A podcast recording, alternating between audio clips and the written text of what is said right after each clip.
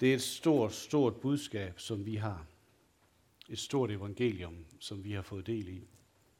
Men hvordan får vi mennesker til at lytte til det? Og hvordan kommer vi til at lytte til det på den måde, så det virkelig får konsekvens ind i vores liv og ind i vores hjerter? Hjemme hos os, der er det mig, der tager tallerkenerne ud fra børnenes værelser. Vi har sagt til dem, at alt, hvad der har været mad på, det skal ud af værelserne ind i køkkenet, men de hører ikke efter det. Så her den anden dag, jeg var inde på Tobias' værelse, så tog jeg en tallerken med ud, og en kniv og en gaffel. To dybe tallerkener, tre dåser, fire glas, og en nudelkop. Og der er nogen, der kan genkende det her, kan jeg høre, at der også er teenager derhjemme, og som ligesom har deres egen måde at forstå begrebet opvask på. Øhm, sådan hænger verden sammen. Har du prøvet det der, at du lytter til et eller andet, og det er bare kedeligt at høre på? Det er bare ligesom om, det er det samme igen og igen og igen og igen og igen, og det bliver sagt på en eller anden ensformig og monoton måde, som faktisk er træls. Det er lidt ligesom at høre julemusik i november måned. Kaja, ikke? Øhm.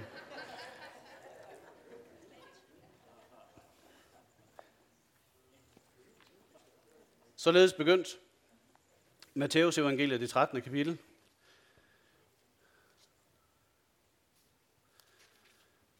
Vi skal læse noget om noget i dag, som er som bliver mere og mere, øh, som går mere og mere op for mig, som jeg har det ikke, ikke har det så let med. Jeg synes faktisk, det er lidt træls, at det er en del af Bibelen. Men det er det, og det er vi nødt til at forholde os til. Matteus evangeliet, kapitel 13, fra det første vers, lignelsen om sædemanden. Samme dag gik Jesus ud af huset og satte sig ved søen, og store skare flokkedes om ham.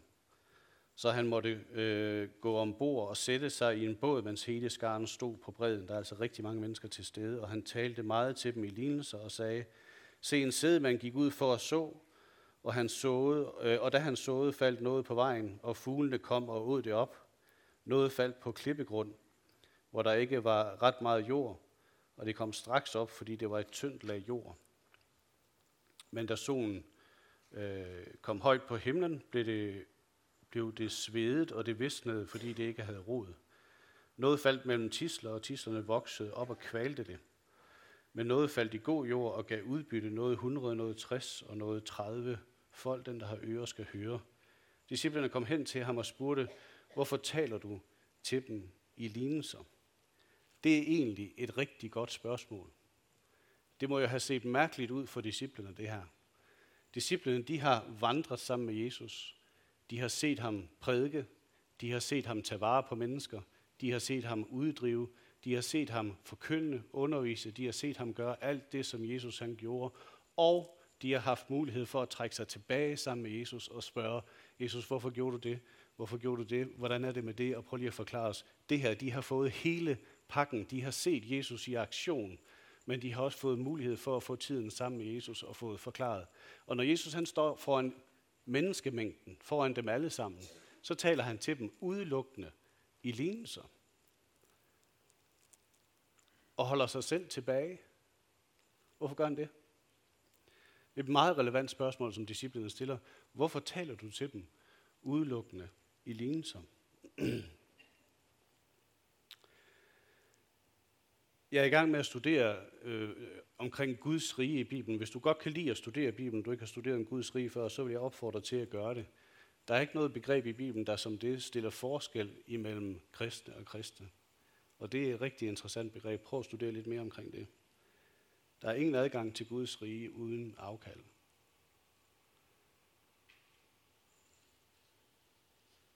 Der er ingen adgang til Guds rige uden afkald. Selv når disciplene de sidder ved det sidste måltid sammen med Jesus, så siger han til dem, jeg kalder jer ikke længere tjenere, jeg kalder jer venner. Så de har altså været tjenere på et tidligere tidspunkt, og nu er de blevet venner. Ligesådan når vi, for, når vi taler om Israel, og vi forstår Israel, så ligger der forhærdelse ikke over hele Israel, men der ligger forhærdelse over en del af Israel. Så det, som jeg forsøger at komme frem til her, det er, at Gud han åbenbarer sig ikke på samme måde for alle mennesker. Gud han for, åbenbarer sig forskelligt for forskellige mennesker. Alt afhængig af, hvad vi gør med det, som han giver os. Alt afhængig af, hvad vi gør med Jesus. Alt afhængig af, hvad vi gør, om vi lytter, om det kommer ind, om det får en konsekvens i vores liv.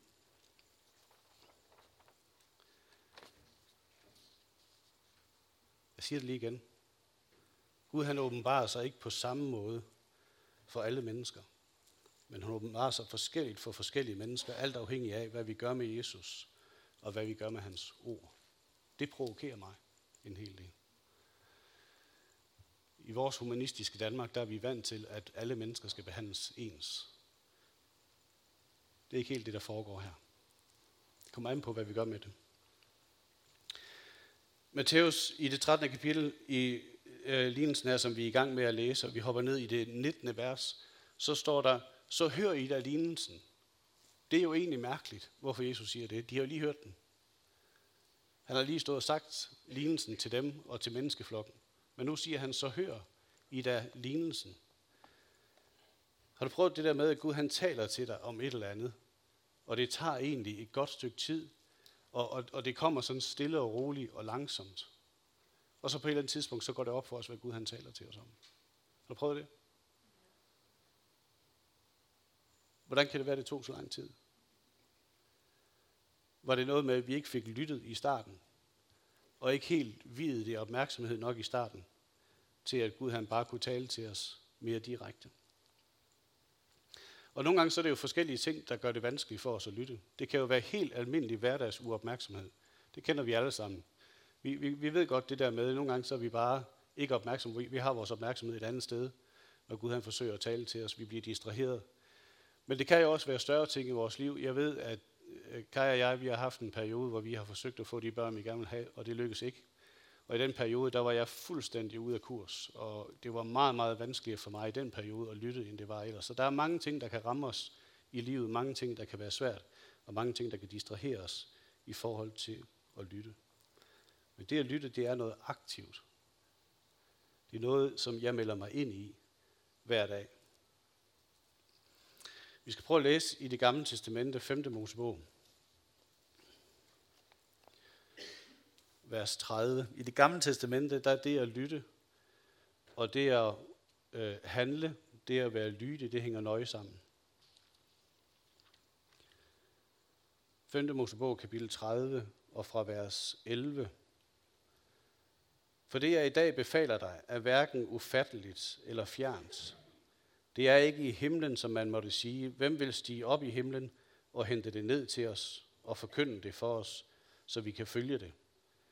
Det er heller ikke på den anden side af havet, som man måtte sige, hvem vil drage over til den anden side af havet og hente det til os for at forkynde det for os, så vi kan øh, følge det. Nej, ordet er der ganske nær i din mund og i dit hjerte, så du kan følge det. Og vi tager lige vers 19 og 20 med. Jeg tager i dag i himlen, jeg tager i dag himlen og jorden til vidne imod jer. Jeg har stillet dig over for livet og døden, velsignelsen og forbandelsen. Så vælg dig livet, for at du og dine efterkommere må leve.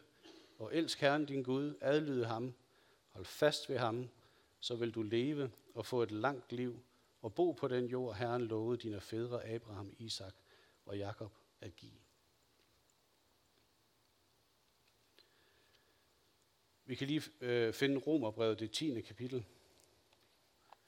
Romerbrevet, det 10. kapitel og vers 17.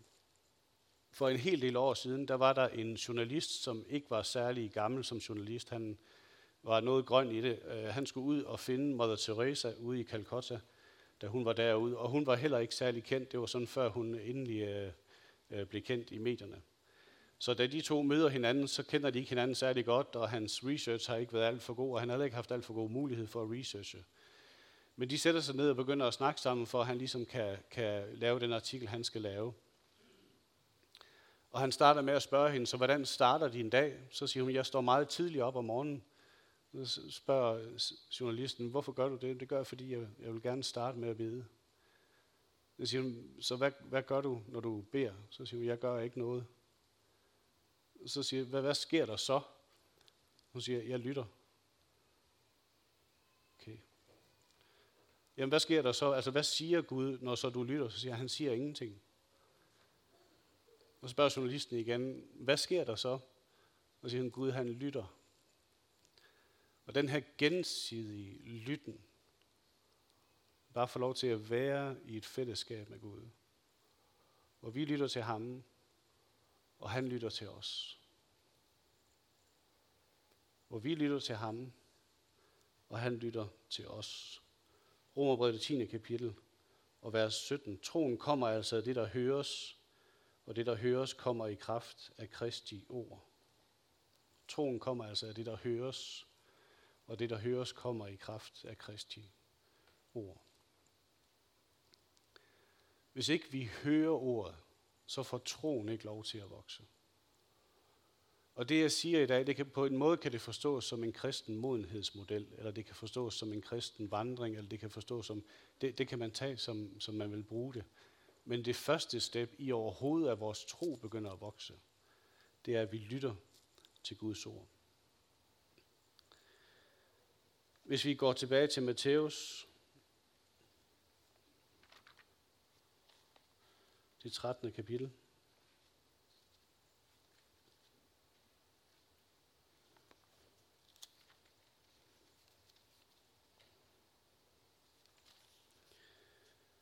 Og i det 19. vers, hvor der står, som vi læste før, så hører I da lignelsen om sædemanden.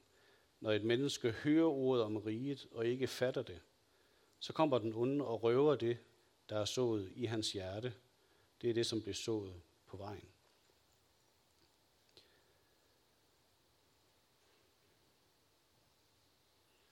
Dengang jeg øh, gik på bibelskole i Brande, der havde, jeg, der var, havde det der med at bede i det hele taget, og det der med at læse i min bibel, det var forholdsvis nyt for mig. Det var noget, jeg var i gang med at lære. Der kan jeg huske, der fik vi flere gange rådet med, jamen det der med, bare læs i din bibel. Altså bare bliv ved med at læse. Hvis der er noget, du ikke forstår, spring over det, så læs noget andet. Du skal nok komme, det kommer stille og roligt. Det synes jeg egentlig var et rigtig godt råd.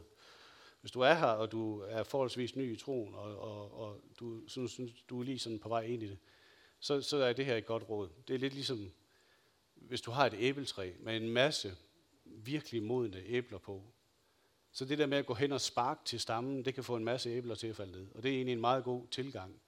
Jeg er rigtig glad for, at jeg fik det råd. Jeg tror, hvis jeg skulle have stoppet op ved alt det, jeg ikke havde forstået, så var der mange, mange ting, jeg ikke havde fået gjort.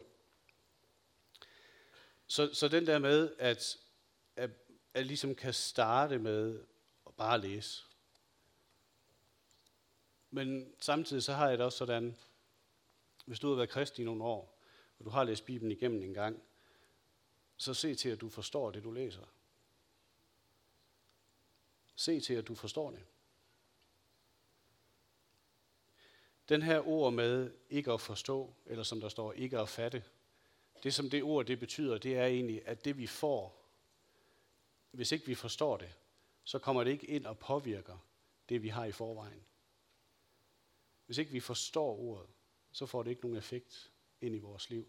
Så det er det med at kan tage imod ordet, så det kan få lov til at påvirke det, der er i os i forvejen. Se til, at du forstår det, du læser. Hvis ikke vi forstår det, så bliver det for let for fjenden at tage det. Det bliver for let for fjenden at stjæle det, og det bliver for let for fjenden at bringe dig ud af kurs. Det næste, det er i vers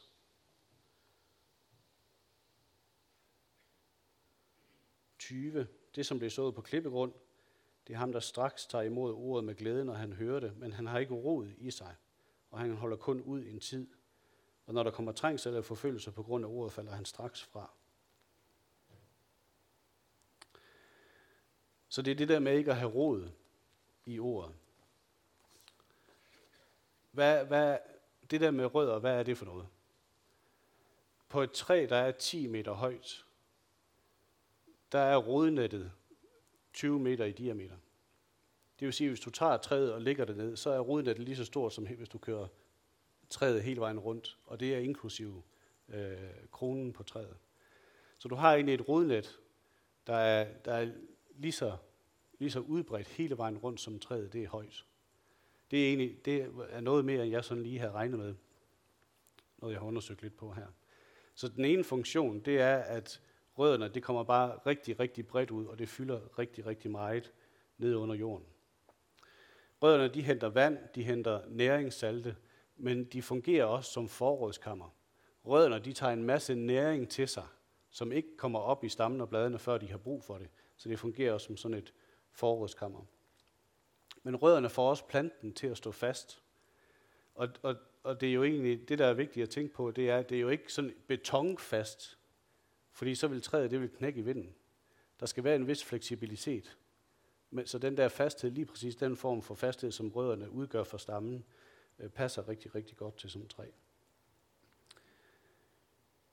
Og så er den sidste funktion, som rødderne har, det er, at hvis rødderne, hvis ikke der er næring der, hvor rødderne er, så vokser rødderne derhen, hvor næringen er. Hvis ikke der er næring der, hvor rødderne er, så vokser rødderne derhen, hvor næringen.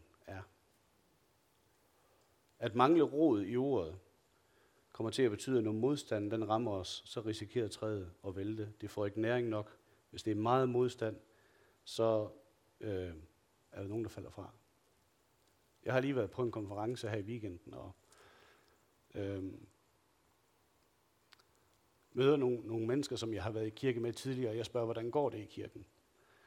Og, og, og det kommer bag på mig, at det billede, der er af, hvem der, hvem der er hvem der er med, hvem der er aktiv, hvem der er i lederskab osv., det ser fuldstændig anderledes ud, end da vi var der for 10 år siden. Der er bare nogen, der ikke er med. Og det rører mit hjerte, hver gang jeg hører det. Jeg bliver overrasket. Og rødderne var måske noget andet, end det, jeg havde troet. Ordet, det er jo det, vi skal stå på. Det er jo det, der er fundamenter i vores liv. Det er det, vi har brug for at mærke, at vi står på. Der er kun én måde, vi kommer til at mærke det på, og det er igennem prøvelser. I Jakobs brev, det første kapitel, vers 2-4, der står det her vers. Mine brødre, I skal regne det for glæde, når I kommer ud for prøvelser af forskellige slags. I ved jo, at når, jeg, når jeres tro prøves, så skaber det udholdenhed og udfoldholdheden skal føre til fuldendt værk, for I kan være fuldkommende og helstøbte og ikke stå tilbage i noget. Så hvis det, du står i lige nu, er designet af Gud for, at du skal lære et eller andet, hvad er det så, du skal lære? Hvis det, du står i lige nu, er designet af Gud, en prøvelse designet af Gud for, at du skal lære noget, hvad er det så, du skal lære? Lad os læse i vers 22 i Matthæus 13. Det, som bliver sået mellem tisler, det er ham, der hører ordet, men denne verdens bekymring og rigdommens blindværk kvæler ordet. Så lad os prøve at opsummere. Så, så, så det, den her del af jordlodden handler jo i bund og grund om, vi har en person, der hører, vi har en person, der forstår, vi har en person, der har rod i ordet, men der er simpelthen andre ting, der bliver vigtigere. Det er tragisk. Der er simpelthen andre ting, der bliver vigtigere. Vi er optaget af noget andet. Vi kan være positivt optaget af noget andet. Der er noget, vi er glade for. Noget, som vi går op i. Noget, som vi rigtig gerne vil bruge vores tid på og prioritere. Men det afholder os fra det, som er det vigtigste. Eller vi kan være negativt optaget af noget andet optaget af frygt, optaget af bekymring, optaget af andre ting, som holder os væk fra at få fat i Guds rige.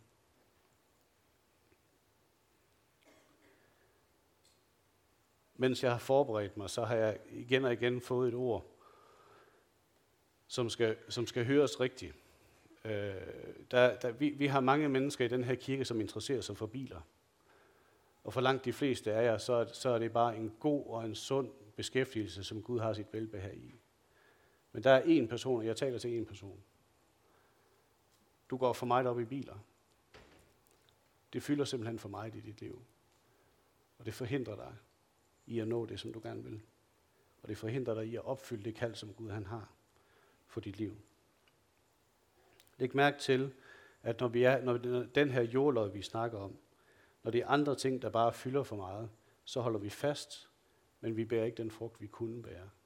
Vi bærer ikke den frugt, som Gud han egentlig gerne vil have os til. Og så er det jo bemærkelsesværdigt, at når vi går videre til vers 23, men det, som det sået i den gode jord, det er ham, der hører ordet og fatter det, og bærer frugt, og giver 160 eller 30 fold. Og det er ikke bemærkelsesværdigt, at når Jesus han kommer i den her lignelse til den gode jordlod, som er sådan en fjerdedel af de der fire forskellige jordlodder, han taler om, og det egentlig er en god jord, der, der tingene er sådan, som de skal være, men så er der stadigvæk nogen, der bærer frugt. 160 og 30 folk. Der er bare forskel på, hvor meget frugt vi bærer. Og det her, det får vi ikke nogen forklaring på. Lignelsen giver os ikke nogen forklaring på den her forskel. Der er noget, vi har indflydelse på, men der er også noget, vi ikke har indflydelse på.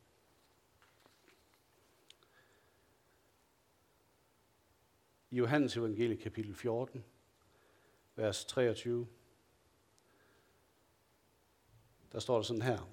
Her, hvordan kan det være, at du vil give dig til kende for os, men ikke for verden? Jesus svarede ham, den der elsker mig vil holde fast ved mit ord, og min far vil elske ham, og vi skal komme til ham og tage bolig hos ham. Gud han åbenbarer sig forskelligt for forskellige mennesker, alt afhængig af, hvad vi gør med hans ord. Og så kan vi have det på to måder med det. Vi kan have det sådan, at vi kan tænke det på den måde. Okay, Gud han giver de andre noget mere end mig. Du kan også vende det om og tænke på det på den måde. Der er altid mere at få hos Gud. Men der er en forskel. Gud han ønsker virkelig, virkelig, virkelig at åbenbare sit ord for dig. Og give dig en hel masse. Og give os en hel masse. Men vi er nødt til at være opmærksom på vores hjertes tilstand. Vi er nødt til, at ordet det skal have den højeste prioritet i mit liv. Jeg ved, at i den tid, hvor jeg var studerende, der var en periode, hvor jeg lyttede til så mange andre forskellige sandheder, at jeg kom i tvivl. Og jeg tror, der var nogle af de sandheder i psykologien, som jeg begyndte at tro på. Og Guds ord, det tror sådan stille og roligt i baggrunden, som en meget, meget stille og rolig og langsom proces. Og, og, og det er først nogle, nogle år efter, jeg sådan blev færdiguddannet, at jeg sådan begyndte at lægge mærke til det, og begyndte at komme ind i en proces, hvor det ligesom blev Guds ord, der blev det vigtigste igen. Og nogle gange så opdager vi det ikke. Nogle gange så er det bare der med os. Men vi er nødt til at være opmærksom på, hvor vores hjerter er henne. At komme til ordet, at komme ind i ordet, det er selvfølgelig det samme som at komme til Jesus. Og det at komme til Jesus, det er det samme som at komme til korset.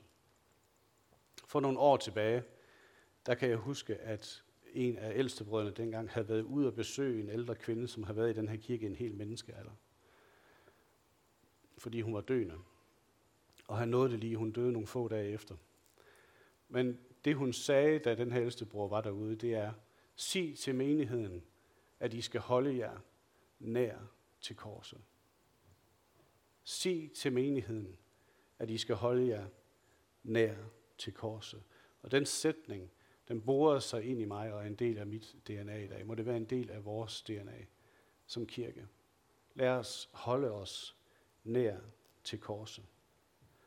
Der er rigtig, rigtig mange ting i vores samfund i dag, hvor det sniger sig også ind i kirken, som peger på scenen. Men scenen forvandler ikke mennesker. Ørkenen forvandler mennesker. Vi er nødt til at lære at håndtere prøvelserne, udfordringerne, ørkenvandringerne, når de er der. At komme til Jesus, det er at komme til sandhedens ånd. så det at komme til Jesus, det er også, at sandheden den lyser på dig og mig. Du kommer ikke tættere på Gud, uden også at komme tættere på dig selv og dine egne motiver. Du kommer ikke tættere på Gud, uden at komme tættere på dig selv og dine egne motiver. Hvordan tilstanden er i dit liv.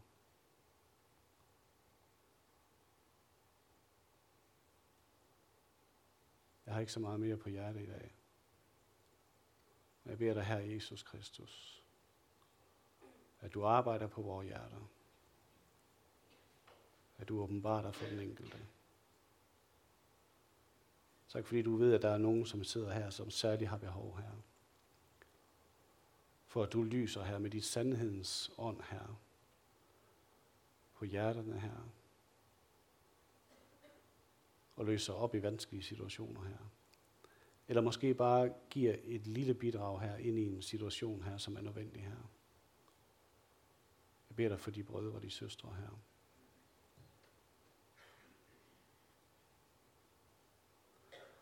Og jeg beder for os alle sammen om, at vi må få lov til at vokse i dit ord her. At vi må få lov til i den kommende tid her at høre mere her. At forstå mere her. At slå dybere rødder her. Til en stærkere kraft her. Og vi også må få lov til at se her ting i vores liv her, som skal have lov til at fylde mindre, for at du kan få lov til at få plads. Kom, Helligånd, og inspirer os. Kom og åbenbar dig for os. Og tak fordi du, som er her, du er os mandag morgen, når vi læser, når vi beder, og når vi har brug for, at du åbenbarer skriften for os. Tak fordi vi tager dig med hjem, Helligånd. Og tak, at vi får lov til at opleve dig hjemme i vores stuer, hjemme i vores lønkammer, når vi er sammen med andre mennesker. Åbenbar dig for os i Jesu Kristi dyrebare navn.